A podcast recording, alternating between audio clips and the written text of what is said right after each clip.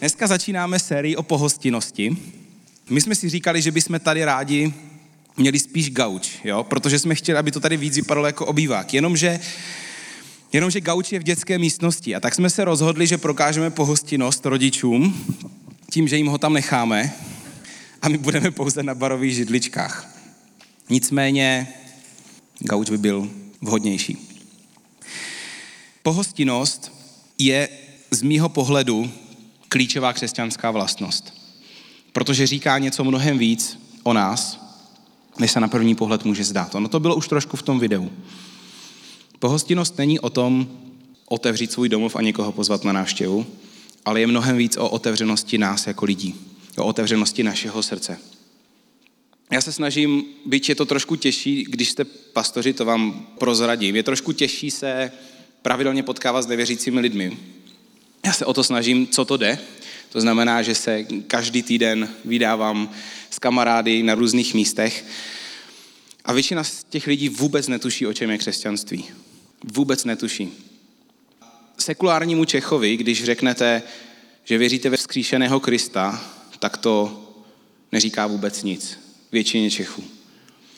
To ale, čemu rozumí každý člověk, jsou skutky lásky. Tomu rozumíme všichni, to je univerzální jazyk. A křesťanství je o projevování lásky.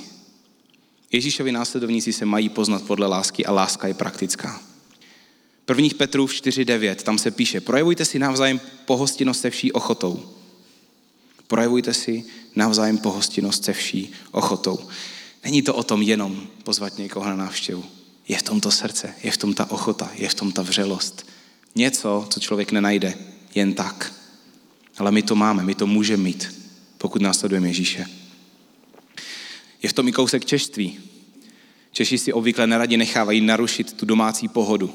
To je moje domácí pohoda, tady je moje doma. Nevím, jak to máte v Slováci, jo? Je to podobný nebo ne? Nevím. Ale my Češi to máme takhle. To je prostě naše domácí pohoda. Tam nepouštíme jen tak někoho. V tomhle to můžeme hrozně bourat tu českou kulturu a přinášet kulturu boží. No a tenhle ten měsíc máme pro vás všechny výzvu. Takovou přátelskou výzvu. Pojďme alespoň jedenkrát někoho pozvat k sobě domů. Ze City Houseu. Nejlíp. Ale můžete kohokoliv. Ale pokud jste v City Houseu doma, tak vás pozbuzuji, aby to bylo alespoň jednou, aby to byl někdo ze City Houseu. Protože je nás tu hodně, chceme se taky víc poznat. A pokud nemůžete k sobě domů, někde pozvěte toho člověka, kde vám je dobře. Alespoň jednou, ale můžete i dvakrát, třikrát, čtyřikrát, pětkrát, jak budete chtít. Teď už pozvu dva lidi, kteří dneska budou mluvit o svém praktickém životě v pohostinnosti. Protože příběhy táhnou, příběhy inspirují, chceme začít příběhama. Vítám Hanku a vítám Čenzu. Poprosím, přivítejte je taky.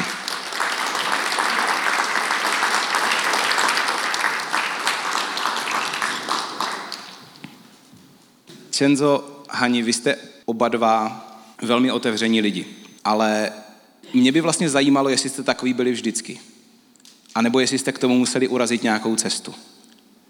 Jaká byla ta vaše osobní cesta k pohostinnosti? K tomu, kým jste teď? Já si sama o sobě myslím, že to je svrchované obdarování boží, protože nejspíš už jako mimino jsem uh, měla ráda společnost a moje nejoblíbenější hry byly na hostiny a návštěvy. A určitě dřív, než jsem uměla číst a psát, tak jsem věděla, jak se dávají správně příbory na stůl. Takže já za to vůbec nemůžu, já to mám prostě dáno. Ale myslím si, že to souvisí s rodinou. Moje babička s dědečkem, se kterými jsme žili ve společné domácnosti, tak oni byli z takové té prvorepublikové Nobel vrstvy. Dědeček byl soudce a ani to, že ho v 50. letech od soudu vyhodili a pracoval jako dělník, nedokázalo smazat to nobl chování, který oni si udržovali. Takže když nám chodili jejich přátelé na návštěvy, tak to byla návštěva se vším všudy, to společenské chování a prostírání a tak. A mě to hrozně bavilo. A strašně jsem si představovala, že až budu velká, tak přesně tak to budu dělat. A pak jsem si vzala chlapa, který byl z rodiny, totálně naopak nastavený. Oni měli návštěvu snad jednou za celý jeho život, nikam nechodili. Jeho postoj k návštěvám nebo k takovému tomu jako společenskému hudování byl jako totálně negativní.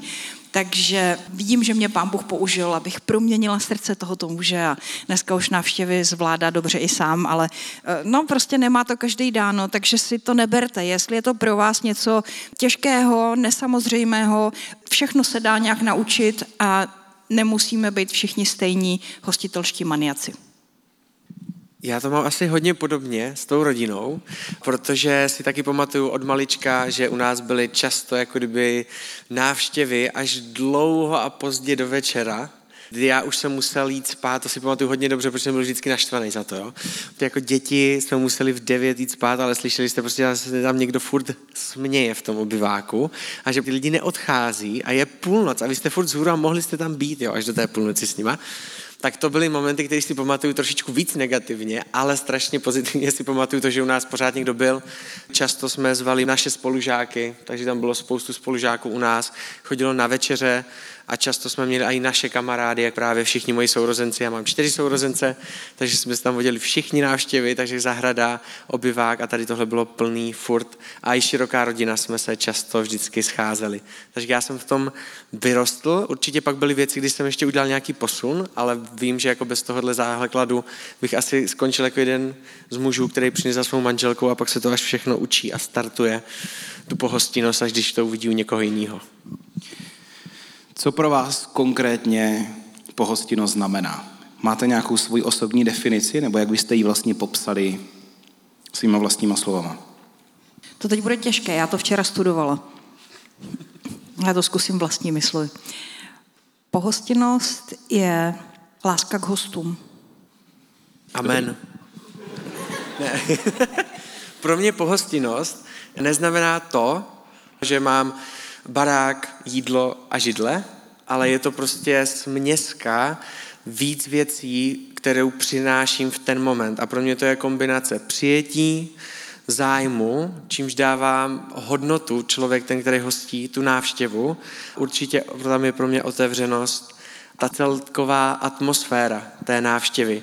To je na hostujícím. Já když přijdu někam, tak se můžu na návštěvě a i když tam je skvělý jídlo, vypadá to všechno nejlíp, je tam nejlepší voná svíčka, která se dá sehnat na světě, tak se tam furt můžu cítit svázaný.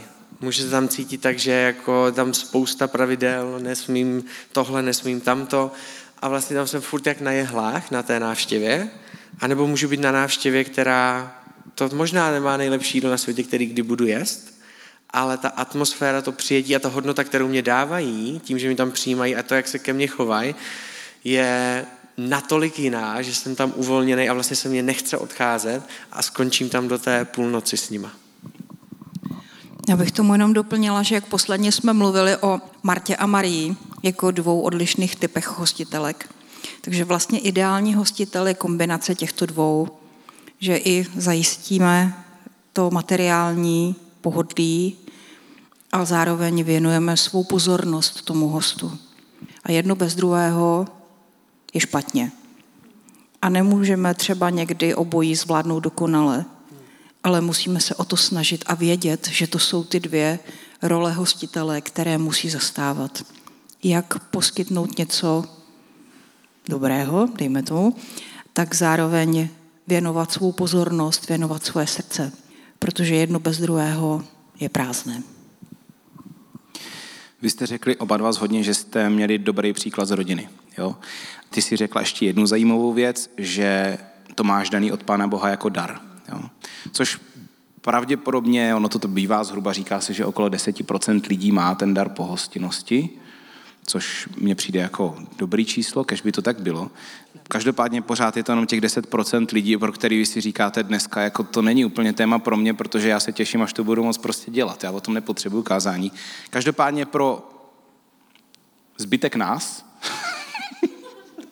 je to super téma. Co byste vlastně řekli, poradili lidem, kteří říkají, já nemám ten dar a nemám ten příklad z té rodiny. U nás doma nebyla otevřená domácnost.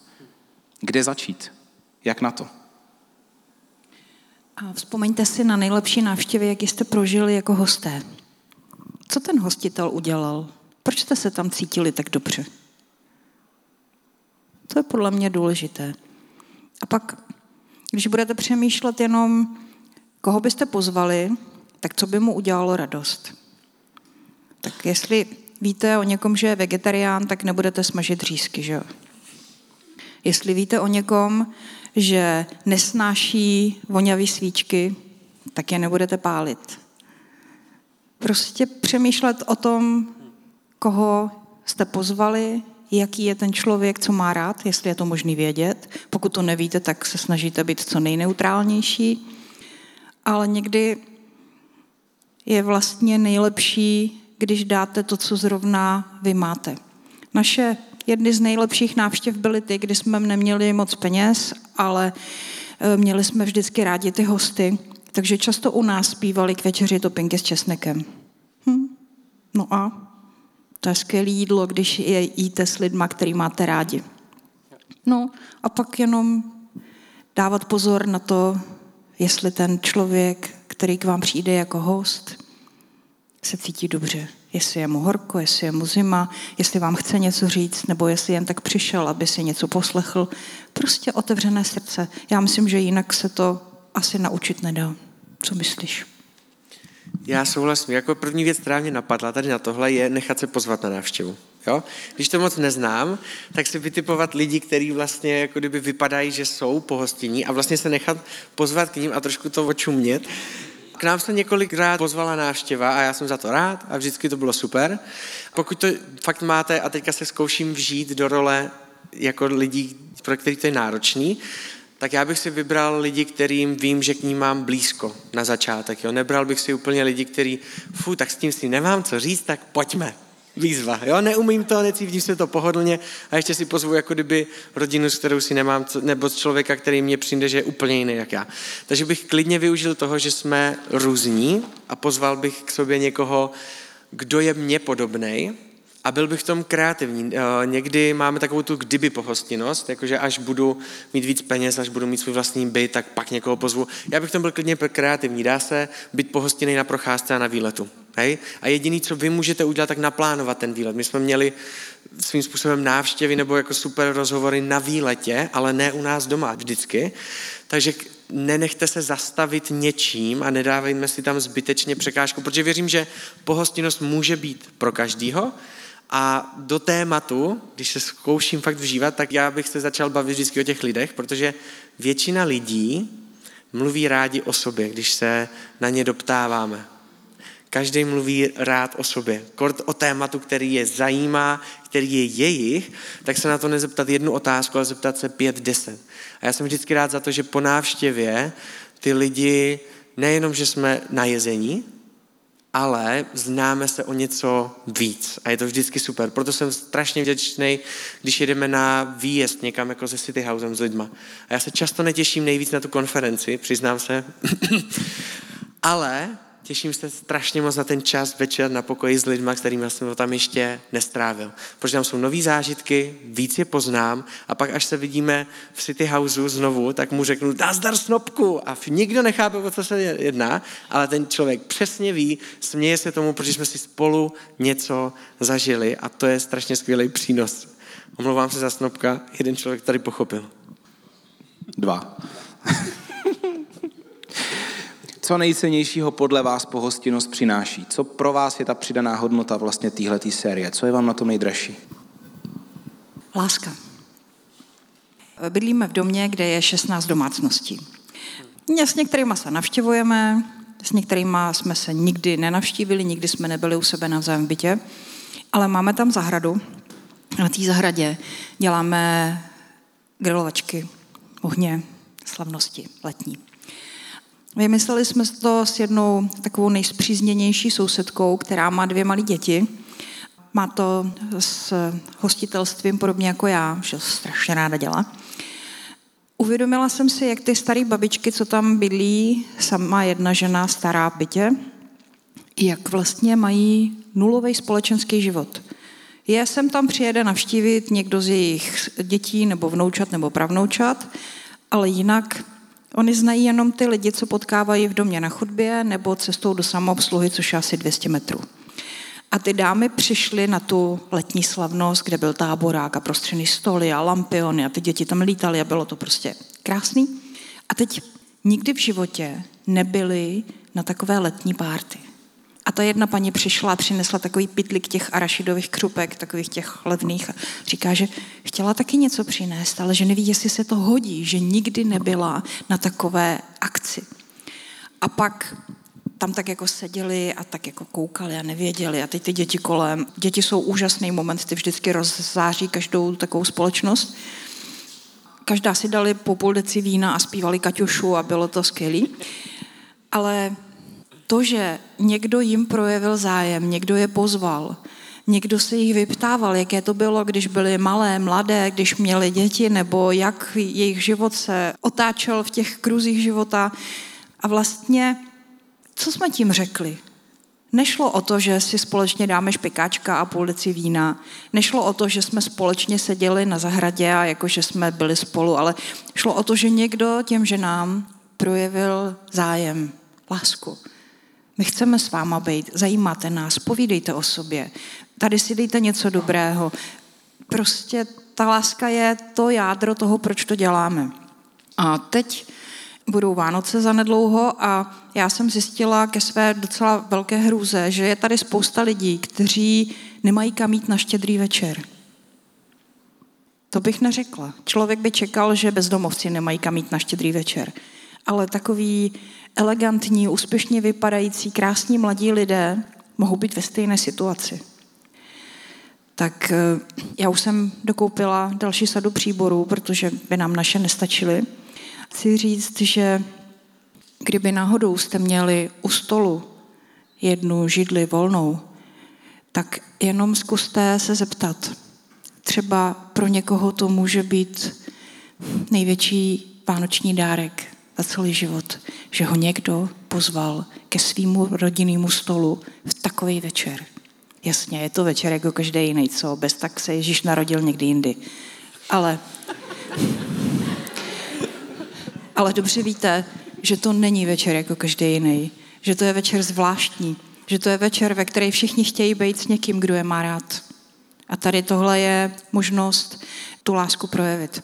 Takže jak říkal Michal, během prosince zvěte, zvěte, zvěte, ať se dozvíte, jestli má ten dotyčný kam jít. A jestli jste vy ten dotyčný, který nemá kam jít, tak najděte další dotyčný a spojte se spolu. Prostě nebojte se toho. Láska je riskantní, ale stojí to za to. Co dodat? Pro mě pohostinnost to, co nese, tak nese přijetí a hodnotu strašně moc tomu člověku, který je pozvaný. Má to ten potenciál, proto to tam přinést. Mám strašně rád jednu větu, která se používá, to je eh, evangelizuj, jak můžeš a pokud to bude potřeba, tak promluv. A mně se to strašně líbí tady tohle, protože máme někdy pod tou evangelizací jako kdyby spojenou, jako kdyby to, že já musím říct, co se vlastně stalo historicky.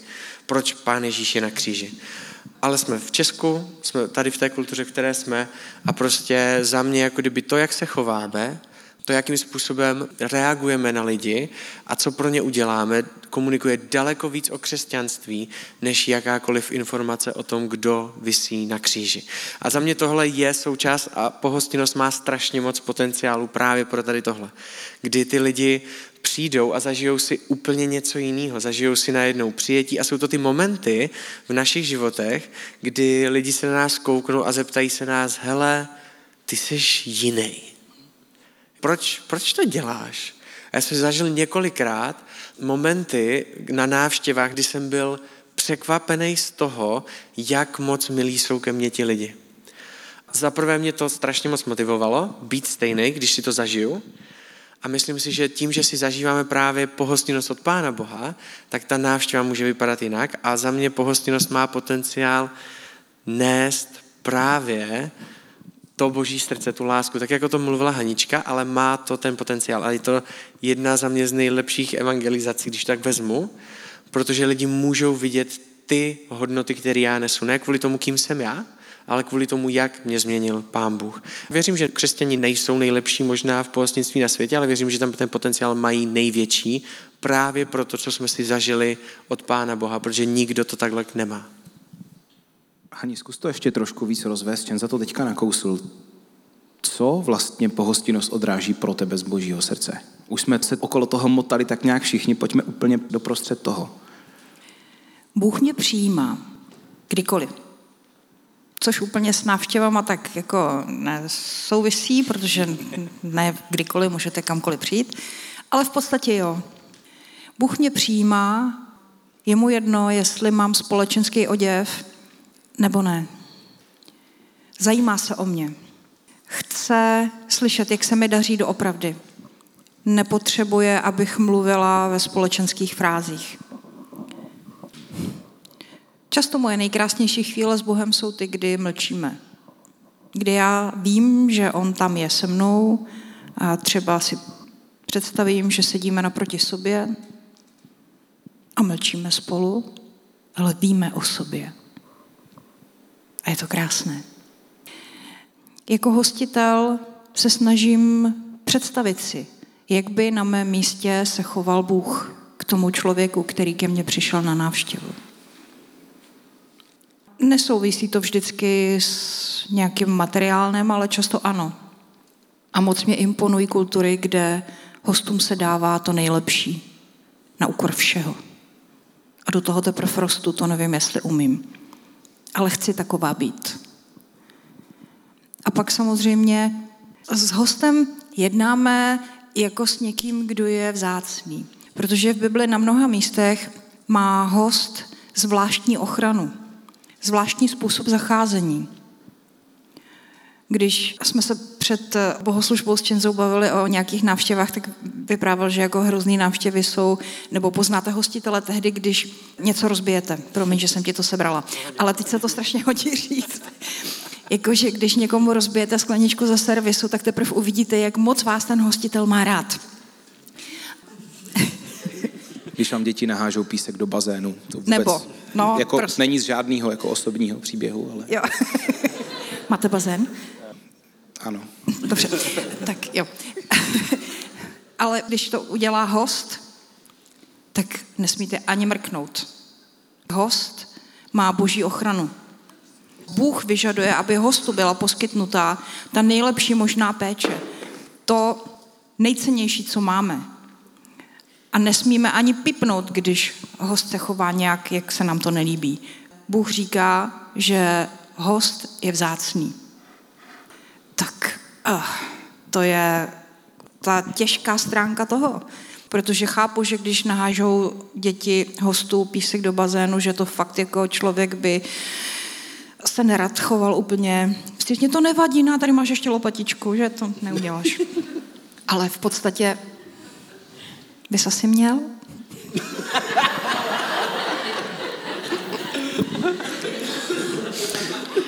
Na to ses neptal, že jo? pořádku. Čenzo, nějaký tvůj příběh? Hanka už jeden sdílela, možná ještě jeden kratší, pokud máš, určitě jich máš víc. Tvůj příběh z pohostinností. Jo, já jsem měl s tím rozbíjením, ale mám jiný. Asi jeden z nejoblíbenějších tak jsem si zažil pů, nějaký dva, tři roky zpátky možná, dva roky zpátky. A když mě pozvali na zborovou dovolenou, to znamená, že jedna celá církev jela na dovolenou, tak jezdíme tady my v City Houseu taky.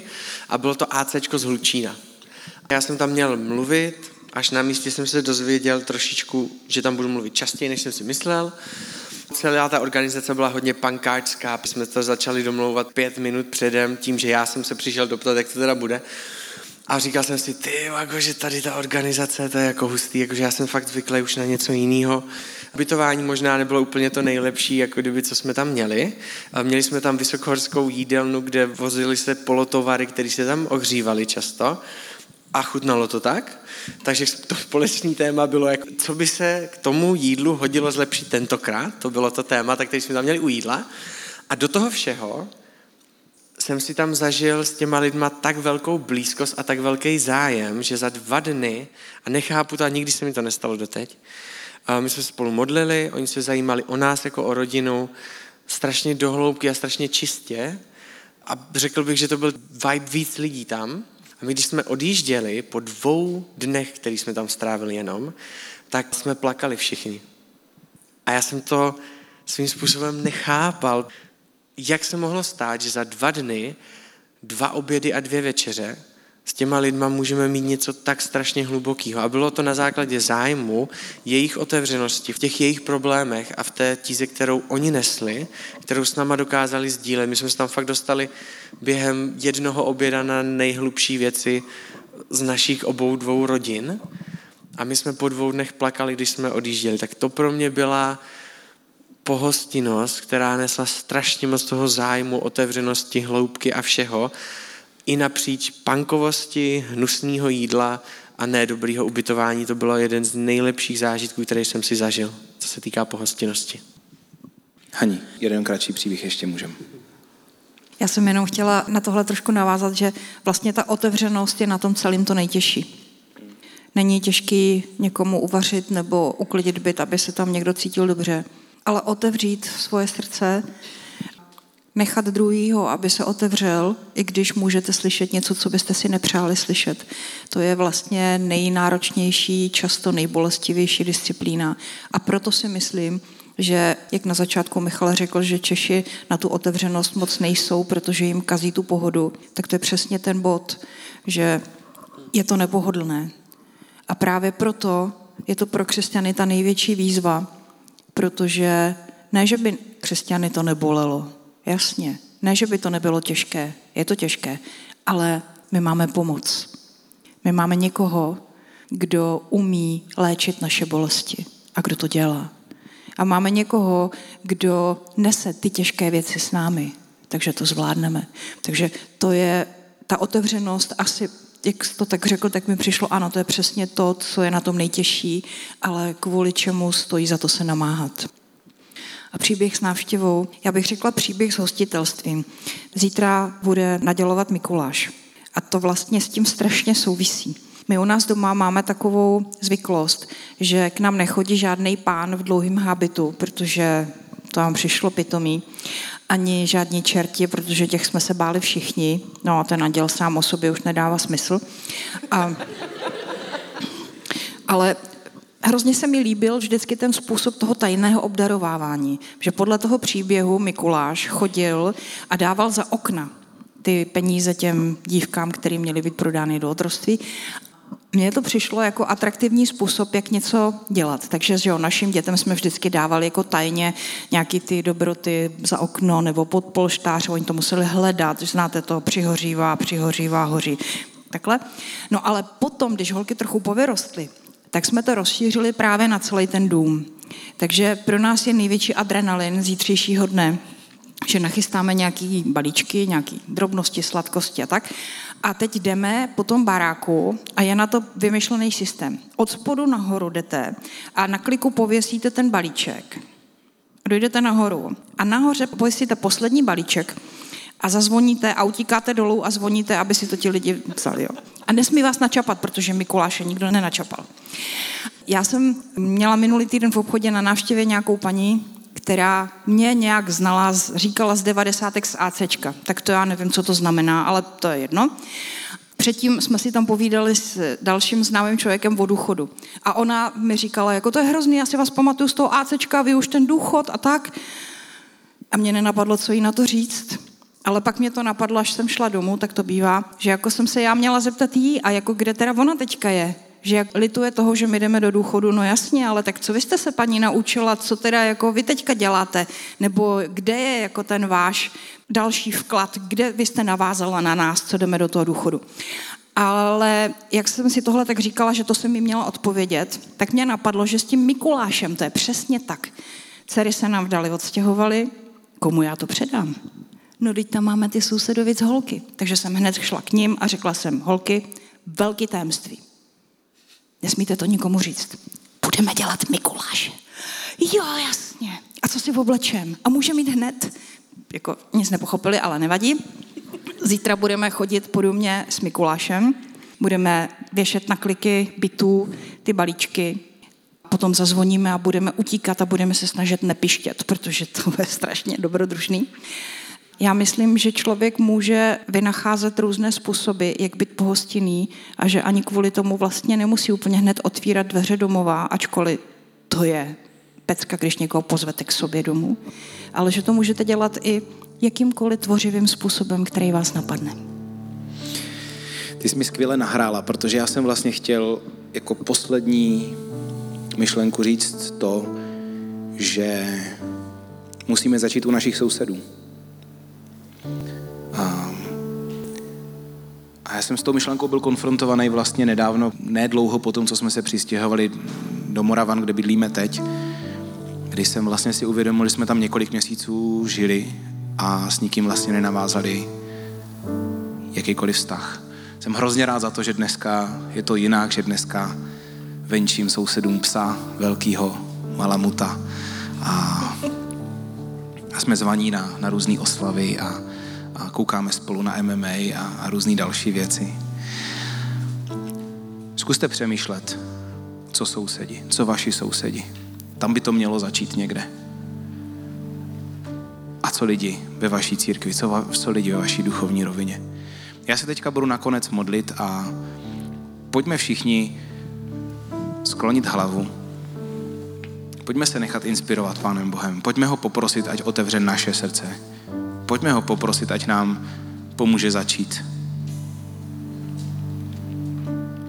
Pane Ježíši, díky za to, že ty nám dáváš ten nejúžasnější příklad otevřenosti.